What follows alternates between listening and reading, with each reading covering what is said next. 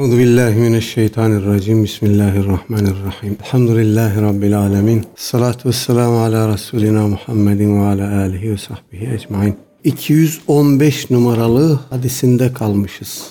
عن أبي بكرة نفيع بن الحارث رضي الله عنه عن النبي صلى الله عليه وسلم قال: إن الزمان قد استدار كهيئته يوم خلق الله السماوات والأرض. السنة اثنا عشر شهرا منها أربعة حرم ثلاثة متوالية متواليات ذو القعدة وذو الحجة والمحرم ورجب مضر الذي بين جمادى وشعبان أي شهر هذا قلنا الله ورسوله أعلم فسكت حتى ظننا أنه سيسميه بغير اسمه قال أليس ذا الحجة قلنا بلى. قال فأي بلد هذا؟ قلنا الله ورسوله أعلم. فسكت حتى ظننا أنه سيسميه بغير اسمه. قال أليس البلدة؟ قلنا بلى. قال فأي يوم هذا؟ قلنا الله ورسوله أعلم. فسكت حتى ظننا أنه سيسميه بغير اسمه. فقال أليس يوم النحر؟ قلنا بلى. قال فإن دماءكم وأموالكم وأعراضكم عليكم حرام. كحرمة يومكم هذا في بلدكم هذا في شهركم هذا. وستلقون ربكم فيسألكم عن أعمالكم. ألا فلا ترجعوا بعد كفارا يضرب بعضكم رقاب بعض.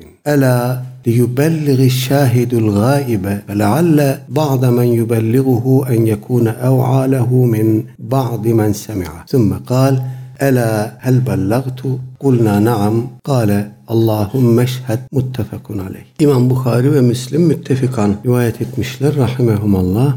Ebu Bekre Nüfey İbni Haris radıyallahu anh sahabeden o naklediyor. Ee, buna göre Aleyhisselatü Vesselam Efendimiz şöyle buyurmuş. İnne zemane kad istedare ke heyetihi yevme halakallahu semavati vel ard. Şüphesiz ki zaman Allah'ın semavatı ve arzı yarattığı gündeki durumuna döndü. Es-senetü aşere şehren bir yıl 12 aydır. Minha erbaatun hurum bunlardan dördü haram aylar. Telâsun mütevaliyatun bunların üçü ard arda gelir. Zülkadeti ve zülhicceti vel muharram. Zilkade, zilhicce ve muharrem ard arda gelir ve Recebu Mudara ellezî beyne Cumada ve Şabane ve Cumade yani Cemaziyel Ahir ile Şaban arasında yer alan Mudar'ın Recebi haram aylardan dördüncüsü. Eyyü şehrin hâdâ sonra Efendimiz soruyor bu hangi aydır? Kulna Allah ve Resuluhu alem. Biz dedik ki Allah ve Resulü daha iyi bilir. Fesekete bunun üzerine Efendimiz sükut etti, sustu.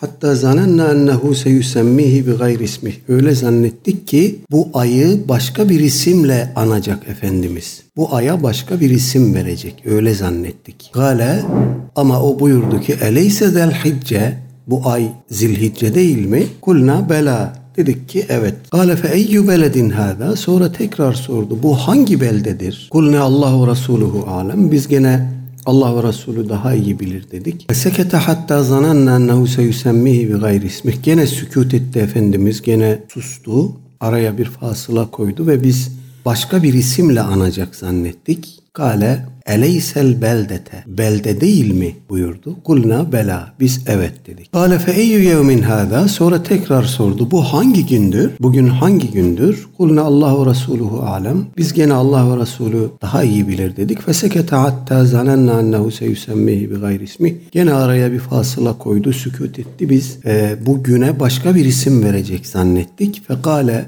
buyurdu ki eleyse yevmen nahri. Bu yevmi nahr değil midir? Kulna bela. Dedik ki evet. Kale buyurdu ki fe inne dimâekum ve emvâlekum ve aradakum aleykum haramun. Hiç şüphe yok ki sizin kanlarınız, mallarınız ve namuslarınız haramdır. Birbirinize haramdır. Ke hurmeti yevmikum hâzâ. Tıpkı bugünün haram olduğu gibi, hürmetli olduğu gibi fi beledikum hâzâ bu beldenizde hâzâ bu beldenizde fi şehrikum hâzâ ve bu ayınızda. Demek ki Zilhicce ayının yevmi nahr günü Kurban Bayramı günü efendim ve mübarek bir belde nasıl size hürmetliyse oranın bir mahremiyeti varsa anlarınız, mallarınız ve ırzlarınız, namuslarınız da aynı şekilde birbirinize haramdır, hürmetlidir, hürmete şayandır. Ve setelkavne rabbekum Rabbinize mülaki olacaksınız. Ölüp kıyamet günü Rabbinizin huzuruna gideceksiniz. Ve seyeselukum an amalikum ve o size amellerinizi soracak. Ela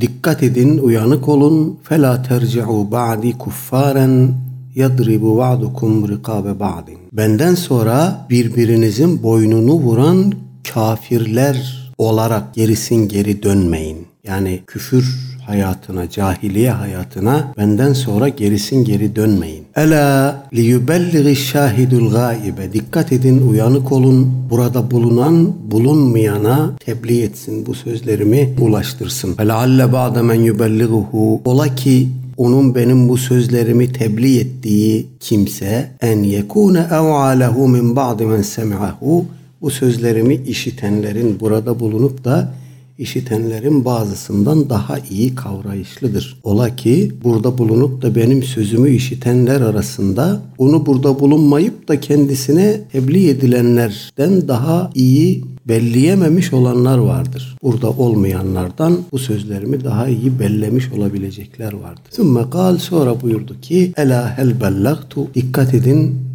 tebliğ ettim mi? Kulna naam. Dedik ki evet. Gale bunun üzerine buyurdu ki Allahum meşhed. Ya Rabbi şahit ol. Allah'ım şahit ol buyur. Rivayetimiz uzun ve üzerinde durulması gereken birçok hususu ihtiva ediyor. Bunlardan birisi Aleyhisselatü Vesselam Efendimizin rivayetin ilk cümlesini oluşturan e, ifadesi inne zamane kad istedareke heyetihi yevme halakallahu semavati vel ard. Zaman döndü ve Allah'ın semavat ve arzı yarattığı günkü durumuna geldi. Acaba ne kastetti Aleyhisselatü Vesselam Efendimiz? Hemen aklımıza Arapların, cahiliye Araplarının haram aylarda savaşmak için veya çapul yapmak için veya ticaret yapmak için efendim ayları kaydırması nesi diyoruz buna. Nesi hadisesi geliyor. Araplar aylarla öyle oynamışlar ki aylar yerinden kaymış. Rivayet kitaplarından, e, rivayet tefsirlerinden öğreniyoruz ki öyle bir hale gelmiş ki Araplar e, haccı her iki senede bir bir ayda yaparlarmış. Yani Muharrem ayında iki sene, Recep ayında iki sene, Şaban ayında iki sene bu şekilde sürekli ikişer sene her ayı dolandırırlarmış. Bazı rivayetlerden öğreniyoruz ki savaşmak için haram ayların yerini kaydırmışlar. Yani Muharrem haram aydır. Biz bu Muharrem'i kaydıralım Safer'e. Bu ay Safer olsun. Gelecek ay Muharrem olsun. Bu ay savaşalım veya çapul yapalım. Muharrem diye gelecek aya itibar edelim demişler. Ya da bazen miladi takvimle kameri takvim arasında biliyorsunuz 10 günlük fark var e, her yıl. Bunu miladi takvimle kameri takvimi eşitlemek için efendim 3 senede bir ay ilave eder. 13 aya çıkarırlarmış. Kameri ayları, Arabi ayları 13 aya çıkarırlarmış. Bu şekilde zaman tasavvuru alt üst olmuş cahiliye Araplarının. Zaman e, tasavvuru alt üst olmuş hürmet tasavvuru alt üst olmuş. İsmail Aleyhisselam'dan beri gelen bir şey olduğunu söylüyor kaynaklar bu haram aylar vakasının. Hz. İsmail Aleyhisselam'dan itibaren bilinen ve fakat çok da riayet edilmeyen bir şey olduğunu anlıyoruz. Bu öyle o kadar döndü dolandı ki hac Hicretin 5. yılında mı, 6'da mı, 8'de mi, 9'da mı farz kılındı? Rivayet kitaplarında farklı şeyler var, nakiller var. Efendim çoğunluk 6. ayda, 6. E, yılda demiş. Bir kısmı 8. yılda demiş. Ama şunu net olarak biliyoruz ki hac farz kılındığı anda hemen o sene aleyhissalatü vesselam Efendimiz hac yapmadı. O sene Hazreti Ebu Bekri radıyallahu anh gönderdi hac emiri olarak. Kendisi gitmedi. Ertesi sene gitti kendisi. Bunun sebebi neydi? Bunun sebebi de işte bu her ayla iki sene hac ederlerdi dedik ya. O haccın farz kılındığı sene eğer 9. sene farz kılındıysa o sene Araplar Zilkade ayının işte ikinci haccını yaptılar. Ondan sonra bir ay kayınca Aleyhisselatü Vesselam Efendimiz Zilhicce'ye geldi. Zilhicce'de normal e, yerine oturmuş haldeyken hac ayı olarak doğrudan doğruya o ayda o ayda haccını yapmış oldu diye açıklıyor kaynaklar. Buna itiraz edenler olmuş. Hazreti Ebu Bekir hac ayında hac yapmadı mı niye böyle söyleniyor filan diye ama Allah alem makul olan bu. Ee, buradan şöyle bir hüküm de çıkartmış fukahamız. Hac bir insanın üzerine farz olduğu zaman tevri midir? Hemen gitmesi gerekir mi? Yoksa geciktirebilir mi? Efendimiz Aleyhisselatü Vesselam'ın geciktirmiş olmasını delil alarak geciktirilebilir diyen fukaha olmuş. Böyle bir hükümde çıkartmışlar burada. Efendimiz Aleyhisselatü Vesselam böyle buyurduktan sonra sonra Es-senetü aşere şehren buyurmuş. Sene 12 aydır. Bu da bizim takvim, yıl, ay, zaman tasavvurumuzu yerli yerine oturtan son derece temel bir ilkedir. Ay 12 ay, sene 12 aydır. Muhtelif takvim sistemleri var bildiğiniz gibi. Bunlar arasında seneye 13 ay itibar edenler var. Daha farklı ay adedi itibar edenler var. Bazen belli yıl kesitlerini alıp ona göre takvim yapanlar var. Çin takvimi mesela aklımda yanlış kalmadıysa 60 senede bir dönüşüyor. Yani biz nasıl bir seneyi 12 aydan ibaret bir dilimlemeye tabi tutmuşuz. Miladi takvim de böyle. Ama Çin takvimi böyle değil. 60 sene 60 sene olarak gidiyor. Daha evvelinde e, cahiliye Araplarında belli zaman dilimleri esas alınarak onlar e, nirengi noktası alınmış işte fil hadisesi böyle ficar savaşı böyle vesaire. Ama aleyhissalatü vesselam Efendimizin bu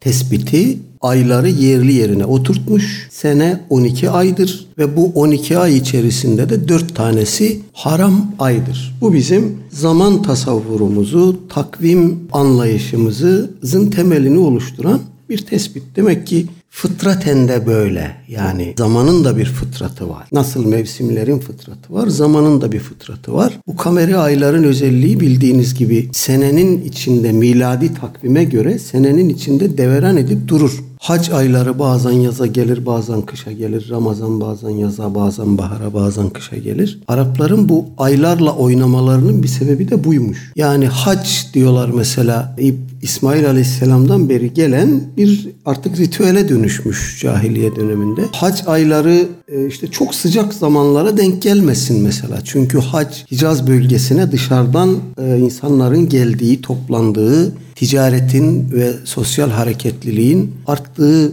bir e, mevsim. Dolayısıyla bunu de çok sıcaklara denk gelmesin, ılık bir mevsime sabitleyelim demişler mesela ve e, şeye miladi takvime ayarlamışlar. Biz de biliyorsunuz bir ara bu kutlu doğum haftası Nisan'a sabitlenmişti. Böyle bir şey olmuş orada da yani. İşte nesi böyle bir şey. Efendim Aleyhisselatü Vesselam Efendimiz bunu da tabii iptal etmiş. Bunda e, şüphesiz bizim için, insanlar için, müminler için büyük hikmetler var, dersler var. Efendim her halükarda, her tabiat şartında, her mevsimde lebbeyk Allahümme lebbeyk diyecek miyiz, demeyecek miyiz? Ya bu sene sıcak gitmeyelim diyecek miyiz, demeyecek miyiz? Böyle bir hikmeti de var bunun Allahu alem. Evet, ayların 12 olduğunu ifade buyurduktan sonra Efendimiz minha erbaatun hurumun buyurmuş. Bunlardan dördü haramdır haram aylar. Felâthun mutevaliyatun bunların üçü peş peşe gelir birbirini takip eder. Zülkadeti ve zülhicceti vel muharrem. Zilkade,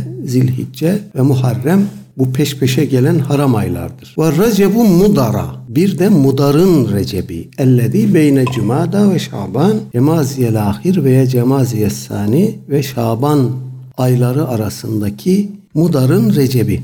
Bu Recep ayına niye Mudar'ın Recep'i denmiş? recep Mudar denmiş. Medine'ye yakınlıkları itibarıyla yani mesafesel, mekansal yakınlıkları itibarıyla Mudar, Mudar'ın Medine'ye daha uzak bir bölgesinde de Rebia kabilesi yer alırmış. Bu Mudar kabilesi Rebia'dan daha sonra Müslüman olmuş. Epey bir direnmişler. Rebia e, hatta Efendimiz Aleyhisselatü Vesselam'a gelmişler. Demişler ey Allah'ın Resulü sizinle aramızda bu Mudar kabilesi var efendim. Onlardan biz imkan bulup da sizi gelemiyoruz, ziyaret edemiyoruz hac edemiyoruz. Sadece bize Recep ayında izin veriyorlar. Aleyhisselatü Vesselam Efendimiz bu Rebi'a ayının da bir e, Recep telakkisi varmış. Ama o tam Recep ayında değil de Şaban ayındaymış yanlış hatırlamıyorsam. Efendimiz Mudar kabilesinin Recep ayı hangi zaman dilimine denk geliyorsa o doğrudur buyurmuş. Bu anlamda Recep-i Mudar. Bu böyle bir alem ismi olmuş kalmış. Yani Recep-i Rebi'a değil Recep-i Mudar cahiliye döneminde bile demek ki Mudar kabilesi e, Recep ayının denk geldiği zaman diliminde oynama yapmamış. Sürekli o Recep'in hürmetine e, riayet etmiş ve onu nesi yaparak yerinden oynatmamış. İşte bu sebeple Aleyhisselatü Vesselam Efendimiz Recep ayını ifade ederken ve Recep'u Mudar buyurmuş. Ellezi beyne Cumada ve Şaban ki bu e, Recep Mudar'ın itibar ettiği Recep Cemaziyel Ahir ile Şaban arasındadır. Biliyorsunuz bunlara üçü sert, biri fert tabir ediyorlar. Üçü ard arda gelir, biri fert. İşte Recep'i fert de diyorlar Araplar. Takvim e, tarih yazarken Recep'i fert diye yazarlar. O da haram ayları içerisinde tek başına olması. Diğer üçü ard arda geliyor. Recep tek. Efendimiz böyle buyurduktan sonra Eyyü şehrin hada diye sormuş. Bu hangi aydır? Efendimizin buradaki sorusu ve bunun ardından gelen iki sorusu o ayda o beldede ve o günde bir istisnai özellik bulunduğunu ihtar içindir özellikle vurgulamak için, altını çizmek için. Eyyü şehrin hada bu hangi aydır? Kulne Allahu Resuluhu alem. Sahabe-i kiramın edebi, terbiyesi, aleyhissalatü vesselam Efendimizin yanındaki davranışı örnek alınacak bir davranış. Efendimiz bir şey sorduğunda bu hiç değişmiyor. Allahu Resuluhu alem diyorlar. Ukalalık etmeden, edebini bilerek bu bununla ilgili bir şey soruyorsa Allah Resulü mutlaka gerekli bilgiyi verecek. Bize düşen susup dinlemektir, doğruyu ondan öğrenmektir. Allah ve Resulü alem. Bu sahabenin o ayın hangi ay olduğunu bilmediğinden değil. Çünkü arkadan gelen ifade onu gösteriyor. Fesekete hatta zananne ennehu seyusemmihi bi gayri ismi. Biliyorlar o ayın hangi ay olduğunu. Efendimiz susunca da zannediyorlar ki o bildiklerinden farklı bir isim verecek o aya. Böyle bir beklenti içine giriyorlar. Demek ki biliyorlar ama Allah ve Resulü alem diyerek o edebi gösteriyorlar. Bunun üzerine Efendimiz sükut ediyor ve sahabe sanki başka bir şey, başka bir isim verecek o aya kanaatine varıyor ama e, aleyhissalatü vesselam Efendimiz eleyse del hicce buyuruyor. Zilhicce değil mi? Bu da gene vurgulamak içindir. Kulna bela biz dedik ki evet zilhiccedir. Sonra fe eyyu beledin hada kulna Allahu Resuluhu alem. Gene aynı e, soru cevap ve sükut faslı oluyor. Efendimiz eleysel beldete diyor. Belde değil mi? Bu hangi beldedir diye soruyor. Sonra da belde değil mi diye soruyor Efendimiz. Kulna bela sahabe-i kiram da evet beldedir diyorlar. Bu niye böyle acaba? Buradaki beldeden kasıt nedir? Bazı dil alimleri diyorlar ki Efendimiz Aleyhisselatü Vesselam bu konuşmayı Mina'da yapmıştı. Mina'nın bir adı da beldedir demişler. Başkaları da demişler ki bu beldeden kasıt Mekke-i Mükerreme'dir. Efendimiz bilinen, malum, meşhur bir e, husus olduğu için ayrıca adını zikretmedi. Allahu alem. Sonra fe eyyü yevmin hada işte bu hangi gündür? Sonra da Efendimiz eleyse yevmen nahri buyurarak o günün de kutsiyetini, hürmetini ifade etmiş oluyor ve arkasından kanlarınız, mallarınız ve ırzlarınız, namuslarınız birbirinize haramdır, üzerinize haramdır. Tıpkı bu gününüzün bu beldenizde ve bu ayınızda haram olduğu gibi. Buradaki haram hürmet gösterilmesi gereken demektir. Zaten haramla hürmet aynı kökten geliyor biliyorsunuz. Bir şeyin haram olması demek bizim o şeyin sınırında durup ona hürmet göstermemiz demektir. O o sınırı aşmamamız gerekir. O sınıra hürmet göstermemiz gerekir. Dolayısıyla ee, bu ay, bu gün ve bu belde gibi kanlarınız, mallarınız ve namuslarınız, ırzlarınız da birbirinize haramdır. E, burada hemen aklımıza bu haram aylar tartışması geliyor. Malum bunun üzerinde kısmen geçen sezon durmuştuk. Bu haram aylar meselesi neyin nesidir? Bizim Kur'an tarihseldir efendim demeyi çok sevenlerimiz, tarihselcilerimiz ikide bir bu haram aylar meselesini gözümüze gözümüze sokuyorlar. Bakın işte bir haram aylar diye bir şey var ama Kimse bunların hürmetine riayet etmemiş. Kur'an'da bunların haram ay olduğu, bunlara hürmet edilmesi gerektiği, bunlara hürmet edilmemesinin küfür olduğu hatta ifade edildiği halde efendim kimse bunları takmamış. Haram aylar öyle orada kalmış. Sembolik bir şey olarak demeyi çok severler bildiğiniz gibi. Ama bizzat Kur'an-ı Kerim'den ve Aleyhisselatü Vesselam Efendimizin uygulamalarından biliyoruz ki haram ayları olgusu neshedilmiştir. Daha doğrusu haram aylarda savaşma yasağı neshedilmiştir. Bu konuda Müfessirlerden İbni Kesir cumhur bu görüştedir diyor. Çoğunluk haram aylarda savaşmanın yasaklığı hükmünün neshedildiği görüşündedir demiş. Hatta İmam Taberi bu konuda icma bulunduğunu bile söylemiş. Dolayısıyla bu mesele tarihsel midir değil midir gibi gereksiz bir tartışmanın içine girmeye buradan olmadık neticeler çıkartmaya kalkmamak lazım. Hemen burada ilgili ayeti kerimelerden bir iki tane örnek zikredeyim size. Sonra devam edelim. Mesela Vakara suresinin 194. ayeti Bismillah. Eşşehrul haramu bi şehril harami. Hürmetli ay, hürmetli aya karşılıktır. Haram ay, haram aya karşılıktır. Vel hurumatu kısasun.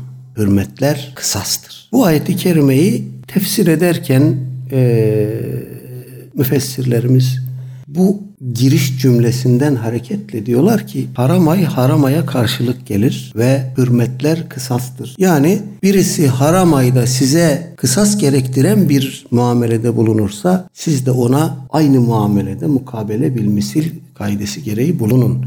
Nitekim femen ihtada aleykum fa'tadu aleyhi bimitli ma ihtada aleykum. Her kim sizin üzerinize haddi aşarsa, tecavüzkar davranırsa siz de aynen onun tecavüzkar davrandığı gibi ona tecavüzkar davranın. Ya da kim size düşmanlık ederse siz de aynı şekilde ona düşmanlık edin. Ona mukabelede bulunun kısas gereği. Bu ayeti kerime üzerinde dururken müfessirler diyorlar ki işte bu haram aylarda savaşmanın haram olduğunu, büyük günah olduğunu ifade eden ayeti kerime haram aylarda savaş yasağı getirmişti. Bu ayeti kerimede bu yasağı nesketti kaldırdı. Bir de Bakara suresinin 217. ayetini de buna delil getiriyorlar. Yeseluneke aniş şehril harami kıtalin fihi kul kıtalun fihi kebirun ve saddun an sebilillahi ve kufrun bihi vel mescidil harami ila ahir. Bu ayeti kerime işte haram aylarda savaşmanın büyük günah olduğunu ve Allah'ın yolundan saptırmak olduğunu, alıkoymak olduğunu ve küfür olduğunu ifade ediyor. Ama hemen arkasından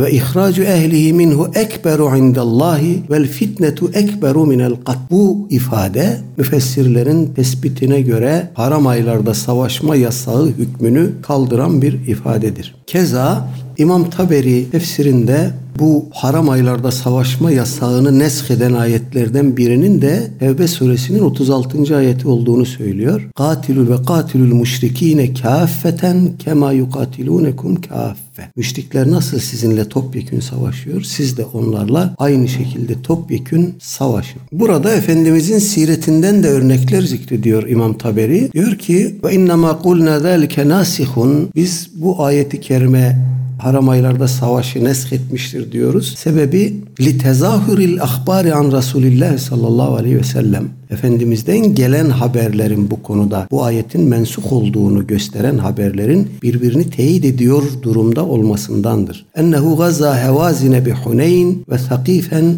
bit Taif. Efendimiz Hevazin kabilesiyle Huneyn'de ve Sakif kabilesiyle Taif'te savaştı ve ersele Eba Amir'in ila Evtas li harbin li harbi men biha minel müşrikin. Ebu Amir'i de müşriklerden e, Evtas'ta bulunanlarla savaşması için gönderdi. Fi ba'dil eşhuril hurum. Tüm bunlar hep haram ayların bir kısmında cereyan etti. Ve kâne ma'lumen bidâlike ennehu lev kânel qitâlu fîhinne haramun ve fîhi masiye Buradan da anlaşılır ki eğer haram aylarda savaşmak haram olsaydı ve günah olsaydı kâne eb'aden nasi min fi'lihi e, men fe'alehu sallallahu aleyhi ve sellem Aleyhisselatü Vesselam Efendimiz bu haramı, bu masiyeti işlemekten en uzak, insanların en uzağıdır. Bunda şüphe yoktur diyor İmam Taberi.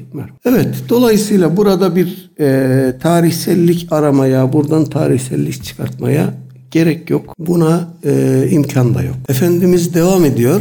Ela fela terci'u ba'di küffaran yadribu ba'dukum rikabe ba'din. Dikkatli olun, uyanık olun benden sonra birbirinin boynunu vuran kafirler gibi gerisin geriye dönmeyin. Ya da kafirler olarak gerisin geriye dönmeyin. Bu ifade küfran nimet şeklinde de tercüme edilebilir, anlaşılabilir. Öyle anlayanlar da olmuş. Yani İslam nimeti size geldikten sonra bu nimete karşı nankörlük edip cahiliye adetlerine geri dönüp birbirinizin boynunu vurmayın. Ya da Aleyhisselatü Vesselam Efendimizin bir mucizesi olarak hmm, kendisinin ahirete irtihalinden sonra Arap kabileleri arasında böyle bir bulaşıcı hastalık gibi yayılan ridde olayları, irtidat hadiselerine işaret etmiştir Efendimiz diyorlar. O da olabilir, bu da olabilir. Hatta ikisini de aynı anda e, devrede tutmak aynı anda mümkündür demek yanlış olmaz. Allahu alem. Buradan tabi Şia bir şey çıkartıyor. Bak işte diyor Peygamber Efendimiz'den sonra sahabe kafir oldu. Birbirinin boynunu vurdu. Onun bu mucizesi de bu şekilde gerçekleşmiş oldu. Hazreti Ali ve onun etrafındaki birkaç kişi dışında bütün ashab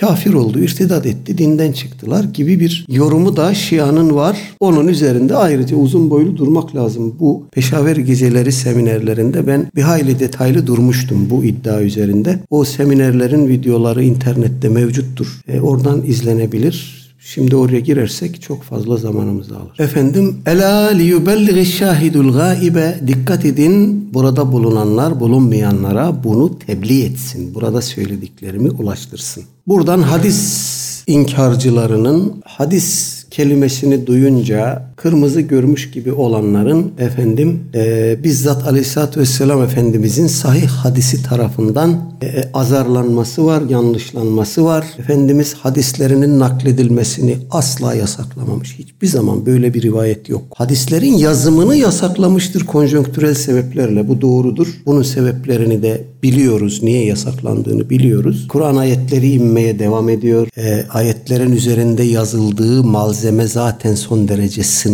ve iptidai işte kürek kemikleri, deri parçaları, hurma lifleri, tabletler bunun gibi iptidai malzeme üzerine ayeti kerimeler indikçe indikçe yazılıyor. Yani imkan olsa asr-ı saadete gitsek oradan sahabenin birine desek ki sizde mushaf var mı? O ne ki diyecek muhtemelen. Çünkü bizim bugün iki kapak arasında görmeye alıştığımız Kur'an-ı Azimüşşan vahiy katiplerinin evinde veya Efendimizin hücrelerinin birinde Böyle odanın bir köşesine yığılı kemikler, taşlar, yapraklar. İşte musaf o. Dolayısıyla yazı malzemesi sınırlı.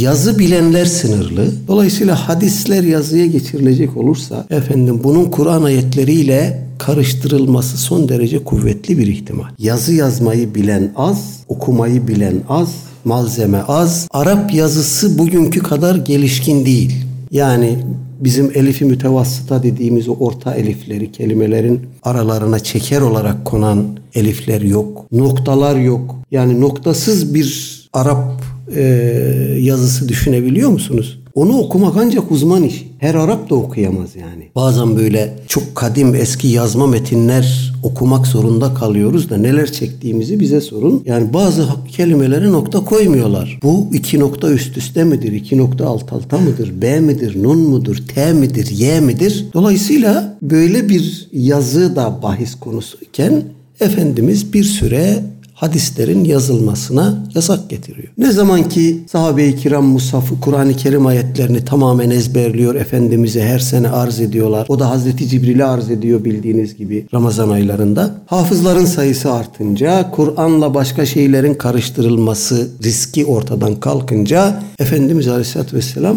yazım yasağını da kaldırıyor. Ama hadislerinin şifahi olarak nakledilmesini hiçbir zaman yasaklamamış. Buna dair tek bir rivayet yoktur. Tam aksine burada gördüğümüz gibi Efendimiz sözlerinin başkalarına aktarılmasını teşvik ediyor. Hatta naddarallahu en semi'a makaleti feva'aha feeddaha kema semi'aha diye başlayıp devam eden bir meşhur hadis var. Efendimiz sözlerini iyi belleyip başkasına aktaran kimsenin Allah yüzünü ak etsin diye bir de dua ediyor. Yani. Dolayısıyla hadislerin naklinde aktarılmasında hiçbir yasak hiçbir zaman olmamış. Efendim burada da onun bir örneğini görüyoruz. Ela li yubellighi şahidul gaibe bir emir kipi var burada hatta. Dikkat edin, uyanık olun, burada olan olmayana tebliğ etsin. Emir yani. Neyi tebliğ etsin? Efendimizin o yukarıda söyledikleri şeyleri, söylediği şeyleri. Sonra da felealle ba'de men yubellighuhu en yekune ev'a lehu. Ola ki kendisine tebliğ edilen biri burada olmayıp da buradakiler tarafından kendisine bu sözlerin ulaştırılan biri onu daha iyi anlar, daha iyi kavra. Sümme kal daha sonra buyurdu ki Ela hel bellagtu. Dikkat edin tebliğ ettim mi? Kulna naam dedik ki evet. Kale Allahümme. Dedi ki ya Rab şahit ol. Allah'ım şahit ol. Ben tebliğ ettim. Ashabım da şahit oldu. Sen de şahit ol. Evet hadis-i şerifimizin burada zikredilmesinin sebebi çok açık. Zulümden sakınmak, haram aylardaki o şeyden, o hürmetten sakınmak. Daha doğrusu Müslümanların kanlarının, mallarının, canlarının Zilhicce gibi, Mekke-i Mükerreme gibi ve Yevmi Nahr gibi haram hürmete şayan olduğunu vurgulamak içindir. Her kim bunlardan birisinin hürmetine tecavüz ederse o büyük günah işlemiş olur. 216 numaralı rivayet. An Ebi Umamete İyas İbni Ta'lebetel Harithi radıyallahu anhu enne Resulullah sallallahu aleyhi ve selleme kal men iktata'a hakkamri'in muslimin bi yeminihi fakat evceballahu lehun nare ve harrama aleyhil cenne. Ve kâle raculun ve in kâne şey'en yesiren ya Resulallah ve kal ve in gadiben min erakin ravahu muslim. İmam Müslim rahimehullah rivayet etmiş. Sahabeden Ebu Umame İyas İbni Salebe El Harisi radıyallahu anh nakletmiş. Sahabeden Ebu Umame künyesiyle tanınan birkaç sahabi var. Birden fazla sahabi var. Bunlar arasında en fazla adını duyduğumuz Ebu Umame Esat bin Zürare ya da Ebu Umame el-Bahili diye bildiğimiz Suday bin Aclan radıyallahu anhuma. Buradaki ise Ebu Umame İyas bin Salebe el-Harisi çok meşhur bir sahabi değil. Hadis uleması bu sahabiden Efendimiz Aleyhisselatü Vesselam'dan naklettiği üç hadis bulunduğunu söylemişler. Belki daha fazla naklettiği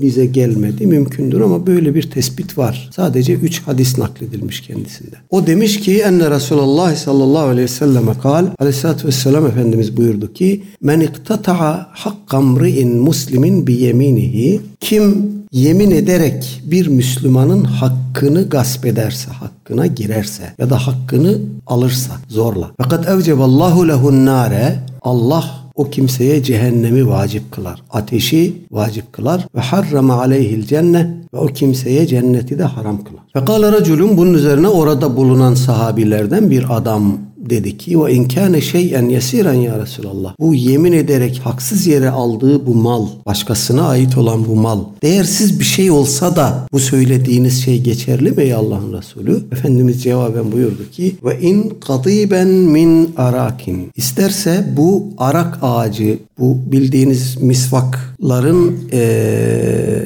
edinildiği ağaçlar, bu arak ağacı diye çok meşhur. O arak ağacından bir dal bile olsa buyurmuş Efendimiz. Demek ki bunun azı çoğu yok. Başkasına ait bir malı zulümle ve yemin ederek alan bir kimseye cehennemi Cenab-ı Hak vacip kılıyor. Cenneti ona haram kılıyor. Bu ifade üzerinde gene ulema epeyce bir durmuşlar. Bir kimseye cennet haram kılınır, cehennem vacip kılınırsa bu kimse ebedi cehennemde kalacak demektir. Yani bir arak ağacının dalı bile olsa böyle bir şey ebedi cehennem azabına müncer olur mu? Burada birkaç tevil ortaya atmışlar.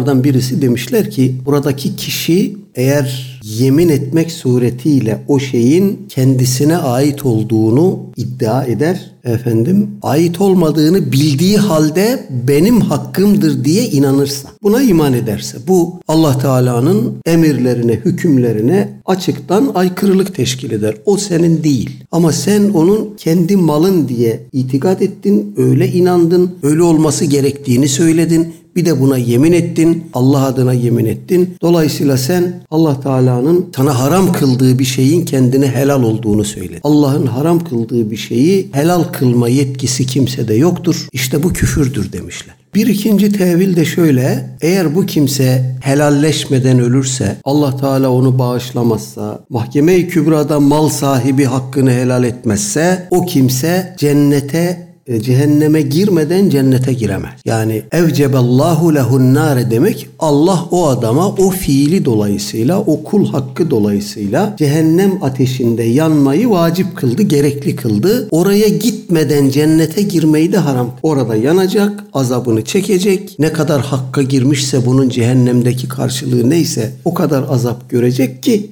sonra cennete gitsin. Yoksa o azabı görmeden cennet ona haramdır anlamında olduğunu söylemişler. Her iki tevil de makul görünüyor. Evet burada da kul hakkının ne kadar önemli, hassas bir mesele olduğunu bir kere daha görüyoruz. 217 numaralı rivayet. An Adi ibn Amire radıyallahu anhu kal. Sema'tu Resulullah sallallahu aleyhi ve selleme yekul men ista'melnahu minkum ala amelin feketemena mihyatan fema fevkahu kana gululen ye'ti bihi yevmel kıyame. Fekame ileyhi raculun esvedu minel ensari كأني أنظر إليه فقال يا رسول الله بل عني عملك. قال وما لك؟ قال سمعتك تقول كذا وكذا. قال وأنا أقول الآن من استعملناه على عمل فليجئ بقليله وكثيره فما أوتي منه أخذ ve ma nuhi anhun teha ravahu Yine İmam Müslim rahimehullah rivayet etmiş sahabeden Adi İbni Amire radıyallahu an nakletmiş. Ee, bu sahabi hakkında da çok detaylı bilgimiz yok gene ama e, sahabeden olduğu sabit. Diyor ki Semi'tu Resulullah sallallahu aleyhi ve selleme yakul Efendimizin şöyle buyurduğunu dinledim. Ben istamelnahu minkum ala amelin feketemena mıhyeten. Biz kimi bir kamu göreviyle görevlendirdik, bir işte vazifelendirdik ve o kimse bir iğneyi bizden gizlediyse fema fevkahu veya bir iğne veya daha kıymetlisini, daha değerlisini bizden gizlediyse kâne gululen bu yaptığı şey hırsızlamak olur. Efendim ganimeti çalmak olur. E, ganimet soygunculuğu olur. La ye'ti bihi e, ye'ti bihi yevmel kıyame. Kıyamet günü o aşırdığı şeyle hesaba gelir o şey aşırdığı şey neyse o ayan beyan herkes tarafından görülür, bilinir ve o e, şeyle huzuruna Cenab-ı Hakk'ın huzuruna getirilir. Fekame ileyhi raculun bunun üzerine bir adam esvedu minel ensar. Ensardan siyahi bir adam. Derisinin rengi siyahi bir adam ayağa kalktı. Ki enni anzuru ileyhi şu anda ben ona bakıyor gibiyim. Hadisi başkalarına naklederken Adi İbni Amire radıyallahu an o adamın o hali hala gözümün önündedir diyor. O adam diyor ki Efendimiz anlaşılıyor ki o adamı böyle bir işte görevlendirmiş. Efendim bir yere gönderecek onu. Fakat böyle söyleyince Efendimiz bir iğne veya daha kıymetli şey hak, haklı, hakkı olmadığı halde alan kimse kıyamet günü o hıyanetiyle o hırsızlığıyla gelir. Böyle buyurunca korkuyor o ensardan olan adam. Diyor ki ey Allah'ın Resulü bana verdiğiniz bu görevi benden alın. Gale Efendimiz soruyor ve maleke sana ne oldu? Niye böyle dedin? Gale o ensardan olan sahabi dedi ki semi'tuke tekulu keda ve keda. Ey Allah'ın Resulü sizin şöyle şöyle söylediğinizi dinledim ben şimdi. Dolayısıyla kendimden korktum ben yani bir iğne bunun üzerine Efendimiz buyuruyor ki ve ana akulul an. Evet şimdi ben diyorum ki men istamelnahu ala amelin. Biz her kimi bir devlet görevinde bir kamu görevinde görevlendirdiysek vazifelendirdiysek fel yeci bi kalilihi ve kethirihi. Kendisine emanet olarak verilenlerin azını da çoğunu da getirsin. İşte bu zekat toplayıcı memur olur başka türlü olur. Yani bir kamu görevlisi kendisine insanların devletin e, beytülmalin emanet emanet malları kendisine tevdi edilmiş. Az çok demeden hepsini getirecek. Ve ma utiye minhu ahade. O yetkili kişi devlet başkanı, halife, peygamber, neyse vali kendisine o getirdikleri içinde bir şey verirse alsın. Ve ma anhu sakındırıldıklarından da intiha uzak Dolayısıyla e, kamu görevinde çalışmak ve bunun karşılığında bir maaş almak tabidir. Ama bunu kendisi benim hakkımdır diye tayin etmeyecek. Onu orada görevlendiren kimse onun için takdir ettiği şey neyse onu buna razı olacak. Ben burada bir görevde bulunuyorum. Sorumluluğum çok. Sabah akşam çalışıyorum. Çok yoruluyorum. Bu da benim hakkımdır arkadaş. Alırım düşüncesi bir hayli yaygın biliyorsunuz. Maalesef yapısal bir problem bu arkadaşlar. Yani ne yaparsanız yapın siyaset ekonomi üzerine kurul. Batı tarzı siyaset böyle. E, ekonomik gücünüz yoksa siyasi gücünüz de yok. Dolayısıyla siyaseten bir yere gelmek istiyorsanız ekonominizi güçlü tutmanız lazım. Yoksa ne yapacaksınız? Sırtınızı bir kısım sermaye çevrelerine dayayacaksınız. O sermaye çevreleri sizi sırf Allah rızası için desteklediyse mesele yok. Ama tavuk kaz gelen yerden tavuk esirgememe anlayışıyla yaptıysa bunu siz de yandınız o da yandı. Ve işin kötüsü bu artık tabii bir hak olarak algılanmaya başlıyor. Aleyhisselatü Vesselam Efendimiz kıyamet alametlerinden olarak saymış ya emanetin ganimet olarak addedilmesi. Aslında bulunduğu o vazife, o vazifede hükmettiği para, sermaye, varlık ona emanet. Ama o bunu ben alnımın teriyle cihad ettim, savaştım. Bu ganimet benim hakkımdır anlayışıyla efendim kendine doğru yontuyorsa işte bu hıyanettir, işte bu gulüldür. Kıyamet günü bunların azabı, acısı biraz sonra gelecek hadis-i şeriften de anlaşılacak ki çok korkunç. Allah korusun. Bir bürokratik görevde bulunuyorsunuz. İşte bir belediyeye riyaset ediyorsunuz riyaset ettiğiniz belediyenin sınırları içerisinde rant değeri çok yüksek arsalar var. Bunlarla ilgili kendinize doğru bir şey yontacak olursanız bu gulüldür, bu hıyanettir, bu ümmetin malının, kamu malının gaspıdır ve azabı büyüktür. Sizi o görevde görevlendiren size ne maaş takdir etmişse onu alırsınız. Ama onun dışında bir iğne bile alsanız onun hesabını kıyamet günü ağır ağır verirsiniz Allah korusun. Bu bakımdan işte sahabeyi görüyorsunuz bu uyarı üzerine ürperiyor ve ya Resulallah beni muaf tut diyor bu işte. Ben kendime hakim olamayabilirim. Belki ihtiyari belki gayri ihtiyari bir iğne kadar dahi hakkın geçmemesine belki de hani bu hassasiyeti gösteremem beni bu işten azledin azad et. Son derece ders alınması gereken bir şey. Biz şimdi çırpınıyoruz böyle bir yere gelelim bürokraside bir yere gelelim siyasette bir yere gelelim milletvekili olalım sonra bakan olalım bilmem ne olalım tamam da